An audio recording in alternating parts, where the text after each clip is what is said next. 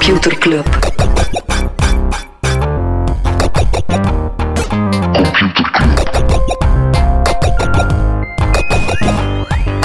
Computer Club. Hey Smally, Hey Freddy, welkom, welkom terug. welkom. Welkom bij Computer Club, een wekelijkse podcast over technologie. Iedere aflevering selecteren Freddy en ik een interessant artikel en eh, presenteren we een feitje. Ik vond ze een, rare Hey Smally. Ik Waarom? had het gevoel dat we elkaar een hele zomer niet gezien hebben. Dat we zo vakantieliefjes zijn. Nee, we waren vakantieliefjes. We hebben elkaar dan een jaar niet gezien. En dan zien we elkaar in de Dan elkaar supermarkt. terug, maar dan ben ik zo wat veranderd. Dan heb ik een klein beetje baardgroei gekregen. En dan Een zo, baard in de hey, hè, Freddy. Hey Smally. maar dan hebben we ontdekt de liefde nog altijd, Voilà. nog altijd is wat ze is. We zijn eh, geen vakantielieven, maar gewoon een dikke, vette, getrouwde relatie. Freddy, eh, waar gaan we het nieuw over hebben deze week? Ehm, we gaan het niet hebben, oh, een paar, paar toffe dingen om misschien eh, op terug te keren. Wat bijvoorbeeld in aflevering 112 over de acquisitie van ARM door Nvidia. Mhm. ARM dat allerhande chipdesigns levert aan ja, quasi iedereen. En dan werd een beetje gevreesd van ja, het feit dat Nvidia die overkomt, eh, overkoopt, is dat wel zo interessant. Hè, zo naar de neutraliteit toe. Mhm. En effectief in de EU en in de UK is er een eh, onderzoek gestart naar die acquisitie. Dus dat ziet er even niet goed uit. Maar bon, mensen die eh, meer willen weten daarover, aflevering 112 Mhm. weet meer, of wist toen al meer.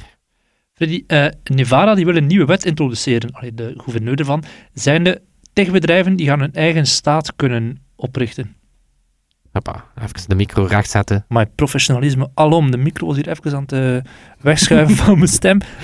Ja, nee, dus ze willen eh, eigenlijk dat techbedrijven lokken door te zeggen, kijk, als je bij ons een techbedrijf opricht, dan mag je doen wat je wil. Maar dat is nog maar een, een wetsvoorstel. Voilà. Eh, helaas, in de echte realiteit zijn overheden dan weer iets minder fan van techbedrijven die doen wat ze willen. Myanmar, dus daar wel Mhm. een en ander aan het gebeuren.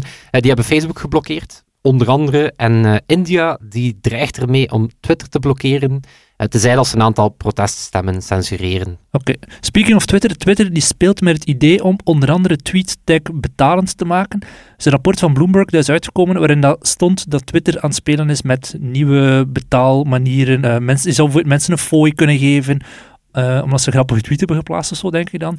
Of je zou kunnen betalen om je profiel nog meer te customizen. Dat zijn ideeën waar dat Twitter mee speelt om niet meer op advertenties te moeten Oeh. focussen. Eh, Spotify speelt ook met ideeën om, eh, om podcasten anders te gaan monetizen. Dus nu ze zijn er sowieso al zwaar aan het inzetten op podcast Mhm. en originals. Eh, maar voorlopig is dat zo vanuit je Spotify-abonnement met dan, eh, met dan wat adv- advertenties in. Eh, maar ze hebben eh, een survey gedaan. eh, of ze hadden al eerder een survey gedaan om eens te polsen. Ja, willen mensen nog extra betalen voor speciale nieuwsbrieven? Wil je dan exclusieve, wat zeg ik, nieuwsbrieven, speciale podcast? Wil je dan Ja. exclusieve wil je dan zonder advertenties. Dus ze hebben een survey gedaan bij consumenten om te polsen ehm, wat ze daarmee doen. En dan heeft Daniel Ek, de CEO, in de earnings call gezegd dat dat wel degelijk een focus is om dit jaar toch echt eh, verder te gaan met dat soort eh, experimenteren. Eh, we gaan wellicht later meer leren, een soort stream-on-event. En wel interessant, ehm, intussen luistert een kwart van Spotify-gebruikers naar podcast en is de luistertijd van podcast verdubbeld het afgelopen jaar. Ja, we merken ook zelf in onze cijfers. Ik denk dat we nu 70% niet Spotify en 30% Spotify, waarvan dat, dat vorig jaar nog 80-20 was. Of zo. Ja, je ziet die taart echt Ja, groter en groter worden. groter worden. Ja. Nog eh non-nieuws? Reddit heeft 250 miljoen opgehaald. We gaan straks wat meer over Reddit hebben. Eh, andere mensen die met geld spelen, Tesla, die heeft voor anderhalf miljard in bitcoin gestopt. Ja. Dat is, ja, is een soort cash dat ze normaal op de bankrekening zetten, maar aangezien dat bankrekeningen nu niets opbrengen, zeggen ze we gaan dat ergens anders insteken. Of dat nu goud is of bijvoorbeeld bitcoin. al eh, Square, Hm? paymentbedrijf van Jack Dorsey, het ook gedaan. Ook een stukje van zijn eh, assets in, in crypto gestoken. Ja. Wat ik hier moeilijk aan vind, is dat je anderzijds met eh, Elon Musk, de met miljoenen volgers rijkste man ter wereld, die dan ergens de, toevallig de dagen ervoor Hm. crypto's wel zit te pumpen. door constant te tweeten over Dogecoin. Ja, je zou kunnen zeggen dat is een soort van marktmanipulatie. Hè. Dat wordt dan onder... Ik, ik veronderstel dat Elon een deze dagen weer op match gaat geroepen worden. Ja, maar het is een te, te mooie loop. Hè? Zo, Mhm. Elon zit crypto's te prijzen. Tesla accepteert crypto's, koopt zich in in crypto's. En Elon wat verder gebeurt er? Ja. Elon wordt nog rijker. Hij zo, snapt het, voelt een klein beetje te veel als Ja. Marktmanipulatie, hè. waar we het straks ook over gaan hebben. Maar Ah. Eh, ook een vorm van marktmanipulatie. Bam, Segway Game Strong. Eh, we hadden het over eh, Apple en de beef tussen Apple en Facebook rond Mhm. ad tracking. Wat Google Ehm, die zou nu ook een manier aan het zoeken zijn om ja, ook dat soort ja, tracking in apps toch ook ergens een beetje aan banden te leggen, maar wel een systeem te vinden dat ja, enerzijds meer privacy dus garandeert, maar toch ook advertisers niet de zuurstof afsnijdt. Nu, in aflevering 57, dat is alweer een hele tijd terug, hadden we het al over hetzelfde plan van Google, maar dan in Google Chrome. Hmm. Zo de privacy sandbox. Ja. Eh, daar is trouwens ook meer nieuws over. Eh, het is te zeggen, Google zegt, ja, kijk, die plannen zijn heel concreet aan het worden en wellicht uh, volgend jaar gaat het zover zijn. Uh, maar ze zijn opnieuw goed aan het kijken hoe dat ze toch nog een soort, ja, toch gepersonaliseerde advertenties nog kunnen doen zonder al die third-party cookies. Alright. Dus Google probeert zich daar wel wat, wat pragmatisch, pragmatisch in te zetten. Nice. ook opmerkelijk trouwens, in al die earnings calls, bedrijven zoals Unity en Snapchat, die procenten van hun omzet gaan verliezen door Apple hun mm -hmm. uh, privacy uh, standpunten, die loven tegelijkertijd ook Apple voor wat ze doen. bijvoorbeeld de CFO van Snapchat zei, kijk, het gaat ons pijn doen, maar we kunnen alleen maar Apple loven. Dat is, Apple, dat is natuurlijk privacy. ook een beetje ja, de hand die je voedt ja. ten vriend houden. Ja. Freddy, we gaan een heleboel dingen kunnen nu niet bespreken. Die komen in de nieuwsbrief. En waar vinden mensen die? Nieuwsbrief.computerclub.online. Nice. Freddy, je hebt ook een artikel gelezen deze week. Ik heb het, uh, ik heb het ja, het, het, is een beetje onvermijdelijk, maar ik dacht, ja, we moeten het er toch over hebben. Uh, je had daar vorige week onze vierde muur gesloopt. het nieuws van onze vriend Jeff Bezos, die, ja, die, die de fakkel, de CEO-fakkel gaat over, overgeven. Maar ik wou daar toch nog eens op terugkomen. Nu, waarover wil ik het niet hebben? Amazon is een groot bedrijf. Ik denk dat we dat wel weten. misschien wel, oké, okay, ik ga wel zondigen. 10% van de Amerikaanse retail, 1 op de 3 pakjes in de VS, 1 op de 3 van de cloudmarkt en 80% van de huishoudens heeft Prime. Voilà, kijk. Amazon is groot, Jeff Bezos is rijk.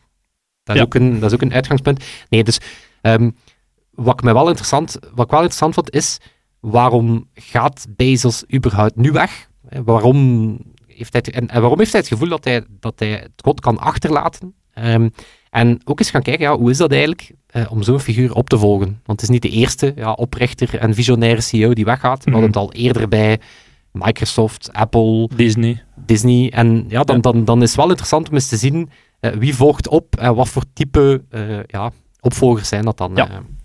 Maar dus een eerste, ehm, ja, een eerste dus, dus voor mensen die toch onder een steen geleefd hebben, hè, dus Bezos stopt als CEO, blijft wel nog als executive chairman.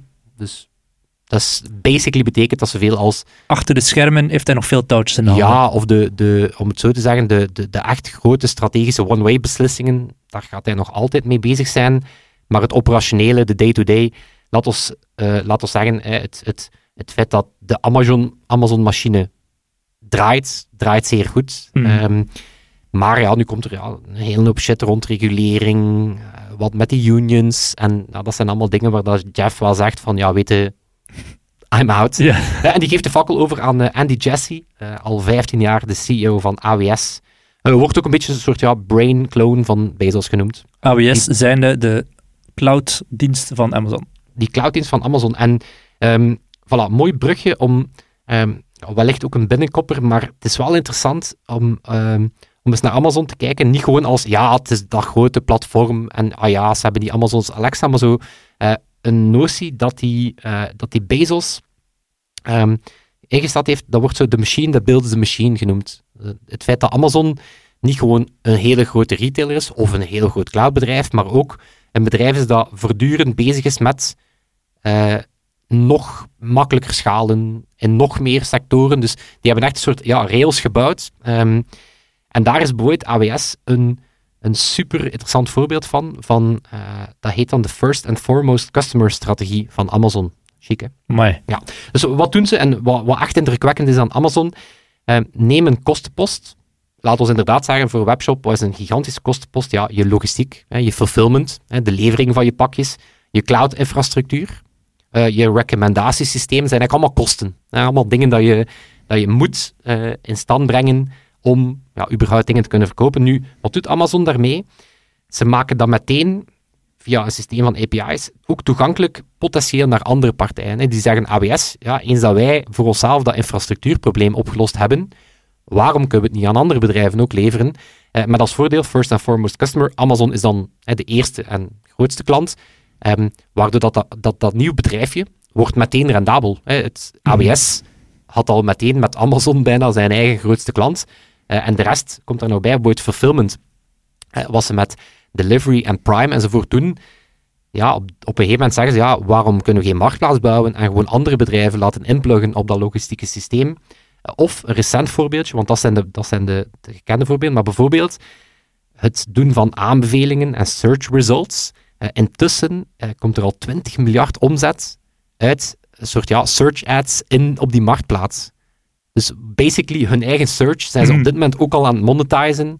En ja, ik wil de marge daar wel eens van zien, maar ik denk dat dat Deftig zeer, is. zeer Ja, hoog is. Want je weet, die mensen die hier iets op zoeken, die zijn echt wel bereid om iets te kopen. Wa- wa- want, want fulfillment kost ook gewoon geld. Ja. Mhm. Eh, eh, busjes laten rondrijden. Eh, trouwens, een derde van de pakketjes komt bij Amazon. Ik vind dat zot. Dat is, allee, Ja. Maar dat is in België met bol.com, dat toch ook wel zoiets zijn? Bol en Coolblue? ja, moest er iemand van Bol of Coolblue luisteren? Ik ben er wel benieuwd naar, inderdaad. Ehm, dus dat, dat systeemdenken is, is wat, wat, ehm, wat, wat Amazon echt wel kenmerkt. Ehm, zorgt er ook voor dat ze heel vlot kunnen schalen. Vorig jaar 40% gegroeid. Maar dat, is, waanzinnig, opnieuw, hè. Ja. Dus, dus, ja, nu zeggen ze, ja, de pandemie enzovoort. Ja, maar je moet het wel kunnen, hè. Alleen Mhm. zo, ja, dat er meer e-commerce vraag is, maar hier komt er meer e-commerce vraag en Bipo zegt, boeken toe. Ja. Eh, Iedereen betaalt een euro extra. Nee, we leveren zelf Ja. niet meer aan huis, sorry, het gaat niet meer. Ja. Eh, Amazon zegt, oké, let's go, 400 man, hiren, oké. Mhm. Oké, dan maar. En bijvoorbeeld ook iets dat de, de Amazon typisch kenmerkt, is ehm, wat ze een soort vliegwielstrategie noemen. Ehm zijnde, elke innovatie bij Amazon creëert een, weer een extra effect op een ander stuk van Amazon. Ja, ja. bijvoorbeeld, eh, betere machine learning zorgt er ook voor dat we Amazon Alexa kunnen bouwen, zorgt er ook voor dat we weer meer aankopen kunnen doen via die voice assistants, zorgt er weer voor dat we meer fondsen hebben om investeren in infrastructuur, zorgt ervoor dat we betere machine learning kunnen doen. Ja. Eh, Amazon Prime, perfecte voorbeeld. Alle innovaties van Amazon versterken dat initiële Prime-aanbod. Ja. De, de video, Het wordt de, steeds aantrekkelijker om zo'n abonnement te hebben. Voilà, en voilà, kun je er dus- niet meer vanaf. dus je hebt eigenlijk een soort decentraal bedrijf. Hè, want zo moet je bijna naar Amazon kijken. Het is eigenlijk een systeem van heel veel losse teams. Hè. Zo, het typische klassieker is dan het, het two-pizza-team fenomeen. Mhm. Hè. Dus Bezos zegt eigenlijk, elk team moet je kunnen voederen met twee pizza's. Want anders wordt dat te log. Hè. Dus die kunnen eigenlijk relatief goed eh, los van elkaar dingen doen. Maar tegelijkertijd is de som van die delen veel groter dan... eh, of is eh, de som veel groter dan de, de Mhm. onderdelen zelf. Net omdat ze allemaal ja, dat soort vliegwiel-effect effect gaan creëren. En dan ook het andere ding, ja, eh, waarom gaat dat daar goed? Ja, de, een heel trouw management. Eh, blijkbaar het verloop bij zo'n typisch big tech bedrijf qua, qua leadership zit rond de 20%. Bij Amazon is dat minder dan 2%. Dus die Andy Jassy is al 15 jaar de CEO van, van AWS, was, eh, werd, werd aangezocht als de nieuwe CEO van Uber, de nieuwe CEO van, maar die blijft gewoon ter plekke. Ja. En Dus nu is hij degene die de sleutel krijgt van de cockpit. Ja, en dan heb je inderdaad zo het, het, eh, het, het, het moeilijke, ja, wat komt daar dan na? Ehm, en wat, wat merk je, het typische patroon? Hè? Want bijvoorbeeld, ehm, oké, Steve Jobs, eh, die was wel gestorven, dus die had weinig keuze. dan Er moest er een opvolger En, zijn. hè, dus Tim Cook. ehm, maar Boyd, Johnny Ive is er ook weggegaan. En eh wat is interessant, ja, weet je, die had met de iPhone, met die watch, die had heel veel succes bereikt. En wat komt er dan? Ja, de bril, de auto, maar daar moet je nog eens tien jaar op wachten. Hè, dus dat, dat toont van, weet je, de gekende problemen zijn opgelost. Eh, misschien het beste voorbeeld, ehm Sergey Brin en Larry Page. Ja, Google Draait. is huge op Ja. search. Eh, die hebben met Android het, het, eh, het populairste besturingssysteem. Oké, dan kan je zeggen, er zijn een aantal moonshots, maar laat ons eerlijk zijn, dat is gewoon een beetje, beetje, Spelerij. beetje spelerij in de marge. Dus er, bij die twee werd er gesproken van een bore-out. Dat waren gewoon... eh heel veel van die CEO's zijn heel goed in problemen oplossen, echt heel moeilijke problemen oplossen. Maar eens dat die oplossing bekend is... Oké, Mhm.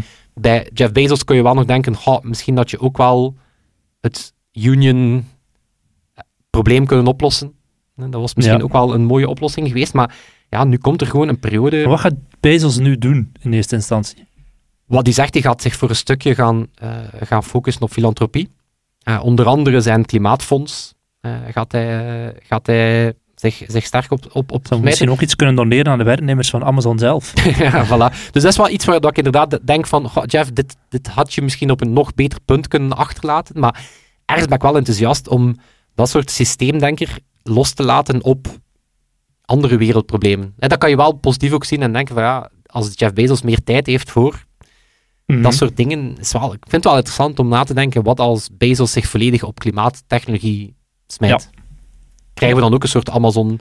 ehm, ja, maar dus, dus het patroon bij die, bij die founders, eh, bijvoorbeeld Microsoft had dan eh, ja, na Gates Balmer en dan vooral na Balmer Nadella. Ehm, eigenlijk wat zo'n typisch patroon is, is Tim Cook, Boyd op kop, dat zijn vaak zo wat ze operators noemen. Mhm. Dat zijn gewoon heel rustige, iets minder flamboyante types, eh, maar mensen die gewoon zeer rustig zijn en op een heel gestructureerde manier ehm, ja, dat bedrijf gewoon... eh, dat bedrijf gewoon En de aandeelhouders ook kunnen paaien. Hè. Bij, wat dat Tim Cook voor het heel goed heeft gedaan, is die gaat systematisch Apple-aandelen inkopen en vernietigen, waardoor dat de koers eigenlijk ja, systematisch om, omhoog wordt eh, geduwd. Ja.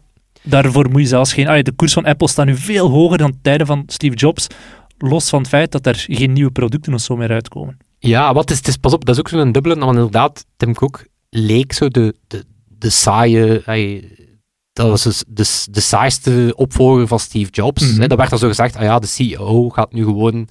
Maar oké, voor een groot stuk, als je dingen maakt, is uw supply chain een heel belangrijk. Maar then again, het shiften naar die services revenue, het, het, eh, het, het doorgaan op de watch, het creëren van Mhm. AirPods, allemaal wel zaken dat ook wel op het konto van, eh, van Tim, Tim Cook zijn. Ja. Of bijvoorbeeld Satya Nadella ook. Ja, ergens brengt hij een stuk rust. Hè, die gaat terug naar de kern, productiviteit, hè, door Office naar iPad te brengen, of eh, terugdenken van, ja, we zijn eigenlijk een bedrijf voor developers, kom, we gaan op Azure en, en Visual Studio gaan. Dus dat lijkt zo saai, hè, zo van, we keren terug naar de essentie, maar dat is wel exact wat dat bedrijf nodig heeft. En dan zie je ook dat die cijfers, die, het is niet dat die stilvallen. Hè. Mhm. Allee, het, is niet dat die bedrijven dan, dat lijkt dan gevoelsmatig van, ah ja, de excentrieke eh, breinen zijn weg en nu wordt het saai, maar then again, eh, heel vaak laten ze wel bedrijven achter die, wat ze dan ook kenmerkte, is opnieuw de machine that builds the machine. Dat zijn bedrijven die inherent gewoon zeer goed zijn in... Ja. eh, En het is ook niet dat hij dood is, Bezos dus. Hij zal... nee, jawel, eh, ben, ben daar echt opnieuw, ben, ben, ben zeer benieuwd naar wat de volgende zaken zijn. Ehm, pas op, de volgende zaken, het kan nog altijd zijn hè, dat, er, dat er een grote nieuwe Amazon-arm bij komt. Maar het zal niet in de, in de klassieke... Allee, het gaat geen iteraties zijn op de marktplaats of op de Mhm. clouddiensten of op de stemassistent. Het gaat echt iets, iets helemaal nieuws zijn. Misschien hun gefaald experiment in healthcare, maar dan done right. Dus daar denk ik wel dat Bezos nog, nog te zien zal zijn. Ja, of daarbuiten, hè, inderdaad, in een van zijn andere eh, avonturen. Ruimtevaart en dat soort eh, fratsen. Ja, het is daar ook eh, geen geheim dat, eh, dat Bezos en Elon Musk wel niet de beste vrienden zijn. En dat ja, SpaceX wel een pak beter bezig is dan, Blue Origin. dan Blue Origin. Dus ja, wie weet gaat Bezos even zijn space race wat, wat gaan versnellen. Eh, nee, maar ik vond het wel, ik vond het wel boeiend. Ja, pas op, het grote risico is dat ik hier nu heel veel dingen verteld heb dat de hele wereld al wist. Maar bon.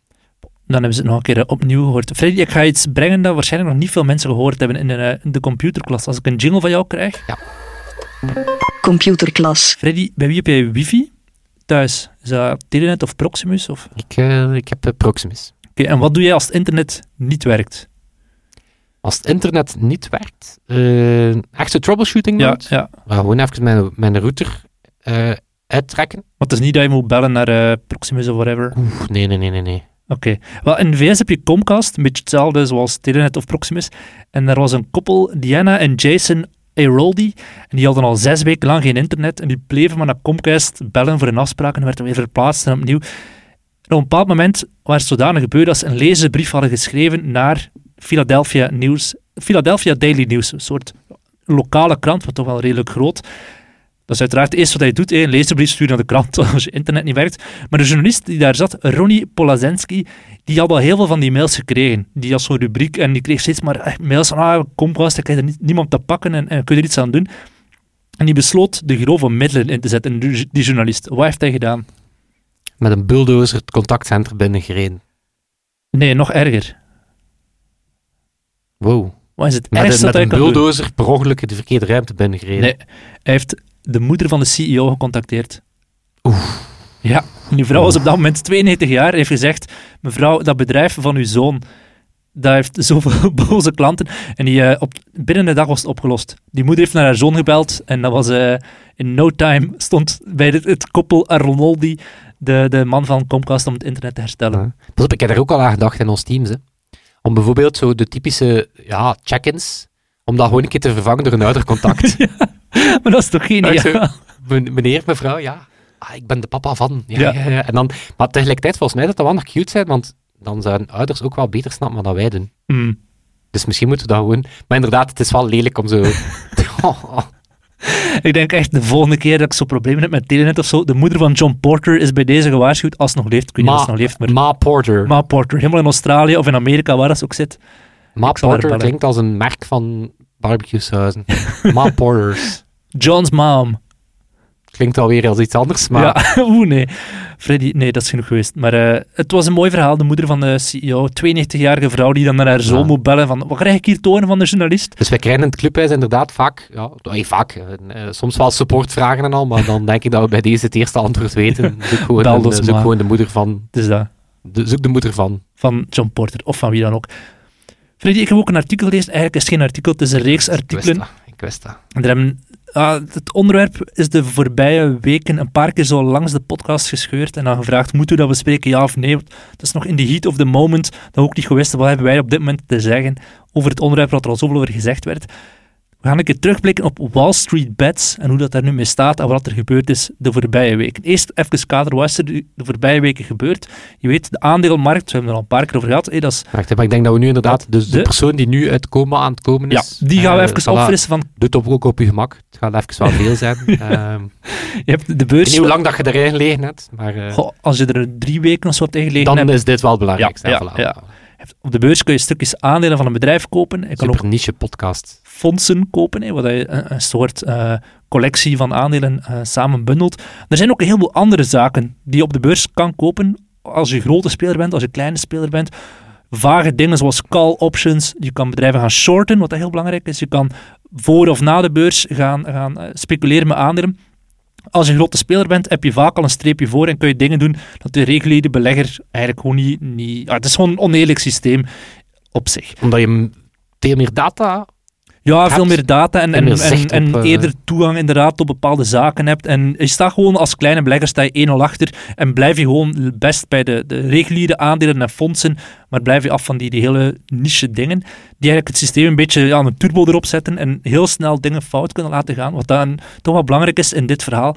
Het shorten van bedrijven is dat je eigenlijk speculeert op het eh, de ondergang van een bedrijf. Als jij zegt, ah, dat bedrijf is nu 100 euro waard, maar ik veronderstel dat dat eh, 80 euro waard zal zijn binnen een week, dan leen je een aandeel van iemand anders, dan verkoop je het even en dan zeg je, ah, ik ga dat op het einde van de week voor 80 dollar kunnen eh, terugkopen en heb ik eigenlijk 20 euro winst gemaakt op heel korte termijn. En dat zijn vooral heel grote spelers die dat doen, die zeggen, en die vooral zo de, ja, een beetje als, als gieren zitten te wachten van wie is hier het zwakste beest van de kudde en die ga ik gaan, eh, er een beetje rond gaan cirkelen en die gaan aanvallen.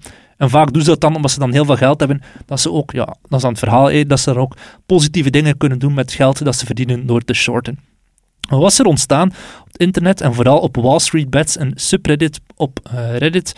Een soort touwtrekwedstrijd tussen enerzijds vijf, of nou, pak een aantal, twee, drie, vier, vijf, van die hele grote hedge funds die, die shorten op onder andere GameStop, een beetje de Game Mania van Amerika. En aan de andere kant miljoenen mensen die zeggen, hey, maar dat is onfair, we gaan gewoon en masse aandeel beginnen eh, kopen, zodat dat ja, eigenlijk omhoog gepompt wordt, die prijs. En het is, ja, een touwtrekwedstrijd is nog wel de beste vergelijking, omdat dat heel lang gelijk opgaat. De aandeel zal stijgen, zal een beetje dalen. Maar aan de ene kant heb je vijf mensen die moeten coördineren, met elkaar moeten afspreken. Aan de andere kant vijf miljoen. En als er van die vijf miljoen honderdduizend man zegt, ja, voor mij is het genoeg geweest, ik ben hier weg, dan gaat de, prijs heel snel, dan zie je dat, is een kettingreactie, gaat de prijs heel snel zakken. Dat is waarom dat ik al van bij begin voelde, dit gaat hoe dan ook, in die eind zal, zal de kleine belegger de verliezer zijn. Dat is tof om nu even zo mee te doen met die touwtrekwedstrijd, maar in die eind je als kleine belegger sowieso de pineut. Dat was ook gewoon een beetje een perfect storm. Mensen verveelden zich. Ja, ze kunnen heel veel sparen, want ja, de, de cafés zijn toe, de, de bioscopen zijn toe, al het entertainment ligt plat. En ik merk dat ook rondom mij, heel veel mensen die plots beginnen met beleggen nu.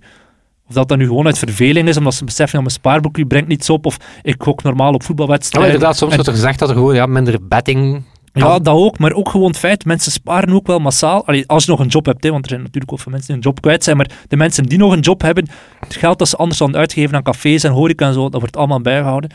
Ook gewoon het feit dat overheden eh, geld blijven bijdrukken, subsidies zijn echt geen probleem. Als je bedrijf op, ja, op omvallen staat, zeggen ze alsnog hier, iedereen tijdelijk werkloos, bla bla bla. Dan creëer je een heel gevaarlijke situatie. En zie je ook met zo'n bedrijf als GameStop, dat was gewoon puur fictief, hè, die koers. Een bedrijf als Game Mania, je zou, mensen zeggen, ja, maar Tesla is toch ook heel lang gehyped geweest en is nu zoveel waard. Ja, oké, maar GameStop gaat in C nooit plots een nieuwe Tesla worden of een, een, een miljardenbedrijf worden. Dat bedrijf is gewoon, als je er letterlijk naar kijkt, in C een bedrijf aan het doodgaan is. Er heeft wel een beetje een e-commerce, maar dat is nu niet dat dat plots miljarden gaat waard zijn. We gaan even kijken hoe ze nu, de aftermath, het stof is gaan liggen. Die aandelen op zich. GameStop staan nu op 59 dollar. Dat is 83% lager dan de piek. Dus heel veel mensen... Maar nog altijd vrij hoog als je, Dus als je de in multiple pakt van ja. Een, een, een te verwachte revenue. Tuurlijk, maar en, en zeker, ja, de mensen die er een maand geleden zijn ingestapt, die hebben nog altijd mooie winst. Maar de mensen die er op het einde van de piek zijn ingestapt, ja, dat is echt een drama. Hetzelfde met AMC, zo de bioscoopketen, die een beetje hetzelfde verhaal was. Die staat op 6 dollar, wat dat 70% lager is dan de piek. En als je dan kijkt in die Wall Street Bets pagina, er zit nu 8,8 miljoen men, man in die subreddit. Ik denk dat ik erbij ben gegaan toen het aan een half miljoen of een miljoen was of zo, echt jaren geleden. Dat is nu een beetje een vrij trieste plek. Je zit er zo, ja echt, alsof, alsof het kapitool bestormd was. En dat ja, nadien de securities gekomen. Er zit hier en daar nog een tafel die omvergewaaid is. Er zitten er mensen die, die veel geld eh, kwijt zijn. Mensen die volledig beseften wat ze deden en die wisten van dat was speelgeld, whatever, 300 euro kwijt. Dat is nu niet erg. Maar ook mensen die echt veel meer geld kwijt zijn. Mensen die erin blijven geloven dat er nu alsnog een short squeeze zal komen, dat die prijs plots weer als een tierlier omhoog zal gaan. Kan, maar ik zou niet weten waarom. Maar het is vooral ook de pagina zelf, de moderatoren. Dus er zijn mensen aangesteld die de boel een beetje in, in goede banen leiden. Is al heel veel ruzie ontstaan tussen die mensen. Die pagina die is ooit opgericht door Jamie Rogozinski. Die is al sinds april geen moderator meer. Die is wat half naar buiten gesmeten door, door andere moderatoren. Er zijn, eh, wat dat heel veel mensen nu een beetje conflict is dat ja, het is een, fa- een fantastisch verhaal. David die het opneemt tegen Goliath, waardoor de onder andere MGM en Netflix al plannen hebben om het verhaal te verfilmen. En Netflix die wil dat doen samen met Mark Ball, de scenarist van The Hurt Locker. En MGM die kijkt naar Ben Mesrick, die er een boek over zou willen schrijven. En Ben Mesrick die schreef ooit The Accidental eh, Billionaires, wat dat we onder andere kennen van de verfilming eh, onder de naam The Social Network. Dus nu zou hij diezelfde schrijver die de, de Facebook-film eh, het boek daarvan geschreven heeft, zou nu hier een, eh, een Reddit-boek over zou kunnen maken. Ja, de vraag is, gaat dat in die end effectief... Dat is, dat is tof, op het moment zelf, dat ze nu zeggen, we gaan er een verfilming van maken. Maar iedere dag worden er wel filmrechten verkocht van om wat, en allemaal boeken die dan eh, jarenlang stof gaan liggen vergaren. Dus ik, ik weet niet meteen wat er hier een verfilm, verfilming van zal komen. Ik, vind dat hilarisch. Er zit inderdaad een soort... Er zit veel Er werd zo geprojecteerd van, dit is de redding. Deze mensen gaan, gaan het financieel systeem op de nemen. financieel systeem, wat ik wel vermoed dat er gaat gebeuren. Ik denk wel dat er... Eh, daar kunnen we straks inderdaad over hebben. Maar, zo- ja. Ja, en dan zo, vanaf dat er zo... We gaan dat verfilmen, bam, heel die groep valt uit elkaar. Ja. En zo, vanaf dat er zo... eh, Direct naar Hollywood. Oh nee, mes in uw rug. Dit, ik vind En er is- ja, er is snel dat ze elkaar gespeeld onder die moderatoren een, een koep gepleegd of is dat geprobeerd. Er zijn nieuwe subs. Eh, Er is de Wall Street Bet Test. Er is de Wall Street Bets New. Er is Wall Street Bets Elite. Dus er die groep is zo wat versplinterd. wat trouwens dat- de, de, de mega power ad gezien van Reddit Ja. in de Super Bowl? Een advertentie van vijf seconden die... eh, Gewoon zo een tekstje, en het Ja. laatste zin van de tekstje is: Powerful things happen when people rally around something they really care about. There's a place for that, it's called Reddit. ja, Wel big dick energy. tuurlijk. Maar Reddit is ook een fantastische plek. hè. I love Reddit. Ik gebruik het elke dag. Maar ehm, ja, bij Wall Street Bets zie je gewoon wat er gebeurt. Dat als een groep inderdaad eh, een beetje te... Als er geen structuur in zit, maar Ja. zoals. Robin Hood, uiteraard, nog een van de speelfiguren in heel dit verhaal. De app, het is niet de eerste keer dat ze in opspraak komen. In aflevering 103 hebben we er heel veel over gehad. Op een bepaald moment kon je via Robinhood alleen nog maar aandelen verkopen en niet meer bijkopen. Ah, Toch zeker de aandelen die, die in de, de spotlight stonden. En al snel werd er dan zo'n conspiracy-theorie rondgedaan van ah, de hedge funds hebben gebeld naar Robinhood en eh, daarom hebben ze de boel geblokkeerd. Ja, uiteraard was dat niet waar. Als stof ook daar gaan, da- gaan liggen is, dan merkte je, het was vooral de clearingkosten die aan het exploderen waren. En wat betekent dat als een beurs, voordat iemand, ja, als hij een aandeel koopt, dan wordt dat niet real-time gedaan. Dan wordt, daar zit vaak één of twee dagen tussen. Maar in die tussentijd moet er wel geld op de plank komen om dat te Ja. kunnen overbruggen. En onder, onderpand. Ja, inderdaad. ja. En als inderdaad massaal veel mensen tegelijkertijd hetzelfde aandeel gaan kopen, zeker gecoördineerd, ja, dan is dat wel eh, een probleem als je er niet op voorbereid bent. Had Robinhood dit moeten weten? Ja, ja en nee. Het is een beetje zoals met Smart School dat nu plat ligt en met Pokémon Go die in het begin plat ligt. Ja, je verwacht wel dat er een stormloop zal zijn, maar niet in deze mate. Ah, je, je doet wel stresstest met je bedrijf, Mm. maar Ik vind dat Smart School... Ja, daar heb ik echt zoiets van, come een beetje een deftige softwarearchitectuur is... Ay, zo, drie keer meer, ja, ja. oké. het was, ze hadden twee keer meer verwacht en het was drie keer meer. Maar Dat, dat is een halve Ja. niet mooi. Maar bon, hetzelfde was naar Eindhoven overkomen met Pokémon Go in het het begin. hè. toont wel, ik vind dat, het legt wel een structurele Achilleshiel bloot van dat businessmodel van Robinhood. Tuurlijk, Zijnde, ja, als het goed gaat, dan hebben ze liquiditeitsproblemen. Ja, Mhm. dat lijkt mij geen, gezonde, Mhm. En geen ook, gezond fundament voor een bedrijf. Dat is sowieso al een beetje obscuur als je voor 0 euro aandeel... En dan ben je sowieso op een bepaald moment pineut, hè. Dus, wat, dus Robinhood is gewoon sowieso al, al heel vaak zijn ze in de fout gegaan en hebben ze nadien niets gedaan om dat recht te zetten. Die app ligt er heel vaak uit op echt cruciale Ja, was vorig momenten. jaar inderdaad. Hè, Absoluut, heel ja. belangrijke momenten dat mensen gewoon niet konden kopen of Nee, verkopen. Dat is met Coinbase ook af en toe. En dat, is, eh, dat, dat toont iets structureel veel ergers aan dan het feit dat ze nu weet, je, keer... weet je dat ook zo'n vuilen is? Is ik weet dat je niet tegen het zinnetje kunt, if you're not paying, ja, ja. you're the product. Maar je kunt je inderdaad afvragen van, ja, oké, 0%, 0% commissie op Mhm. dingen dat je daar doet. Ja, wat is dan het businessmodel van Robinhood? Wat ik super vuil vind, is dat Robinhood al die data van zijn gebruikers verkoopt Mhm. aan Wall Street om... Is, hey, ja, ja. hoe, hoe hypocriet is dan uw Robinhood? Dus ja, ja, we democratiseren het. En niet, ja. Verkopen we eigenlijk uw data om de echte Wall Street mannen meer Mhm. inzicht te geven om u dan Ja. eigenlijk te jossen als retail. Ja, we hebben, het, in aflevering 103 echt heel uitgebreid gehad over waarom dat Robinhood echt wel een vunzig kantje heeft. Als we het dan hebben over die regulering, ja, er zullen uiteraard nieuwe regels komen. Ik weet ook niet per se wat die regels nu in het voor- of in het nadeel zullen zijn van de retailbeleggers. Want als je gewoon in C kijkt naar wat dat er op Reddit gebeurt, is ook een vorm van marktmanipulatie. Als je met 5 miljoen mensen tegelijk zegt, we gaan nu dit aan- aandeel gaan aanvallen, dan zit je ook de koers te beïnvloeden. Het is gewoon minder erg dan, of minder, minder opvallend dan Elon Musk, die met één tweet iets doet. Ja. Maar ik denk het Dus- is het voordeel, en opnieuw, ja. ik ben daar niet, ik ben daar te weinig poldoren voor, maar ehm, ik denk het voordeel is, je kan dat niet aanpakken zonder dat je tegelijkertijd dat spel Ja, het spel op zich is gewoon... aan voilà. mhm. Dus, dus ik denk als dat het, het, het voordeel gaat wel zijn dat er nu ook denk ik een aantal van dat, dat soort eh, Wall Street constructies gewoon niet meer gaat kunnen. Ja. Dus op dat vlak denk ik dat het, dat het, dat het eindresultaat beter financieel systeem is, maar hoe bewust dat dat dan omvergegooid is, Mhm. dat... Voor mij mogen al die complexe zaken als turbo's en dat soort zaken gewoon eh, op de schop en dat we gewoon meer met aandelen en fondsen gaan werken. Ja, maar het is, het is, het is denk- opnieuw zelf geen bezigsfeer, maar het is zo, het is zo disconnected geraakt. Ik was dat gewoon, kijk, ik ben een bedrijf en ik heb hier een interessante visie, ik heb een interessant ding, ik heb gewoon geld nodig om dit uit te voeren. Iemand zegt, ik geloof in jou, hier Mhm. is dat geld. In ruil voor een stukje van en, een bedrijf. Voilà, en ruil voor een stukje van het bedrijf. En als het werkt, is iedereen content. En als het niet werkt, oké, Ja. dan, dan is het teken dat de visie toch niet kon. En dan, maar nu is dat zo, inderdaad, die mechanieken en die flash trading is zo, Ja. het is meer het gamen van het game er rond. Maar we zitten onder die, op een gigantische zeebal. Ik zeg het, de overheden en zo en de centrale banken zijn er nu artificieel hoog aan het houden. Maar eenmaal dat de steunwieltjes eraf zullen gaan en dat de echte, ja, het echte impact van de crisis zichtbaar zullen worden, dan zal die bubbel wel snel barsten. Voilà. On that bombshell.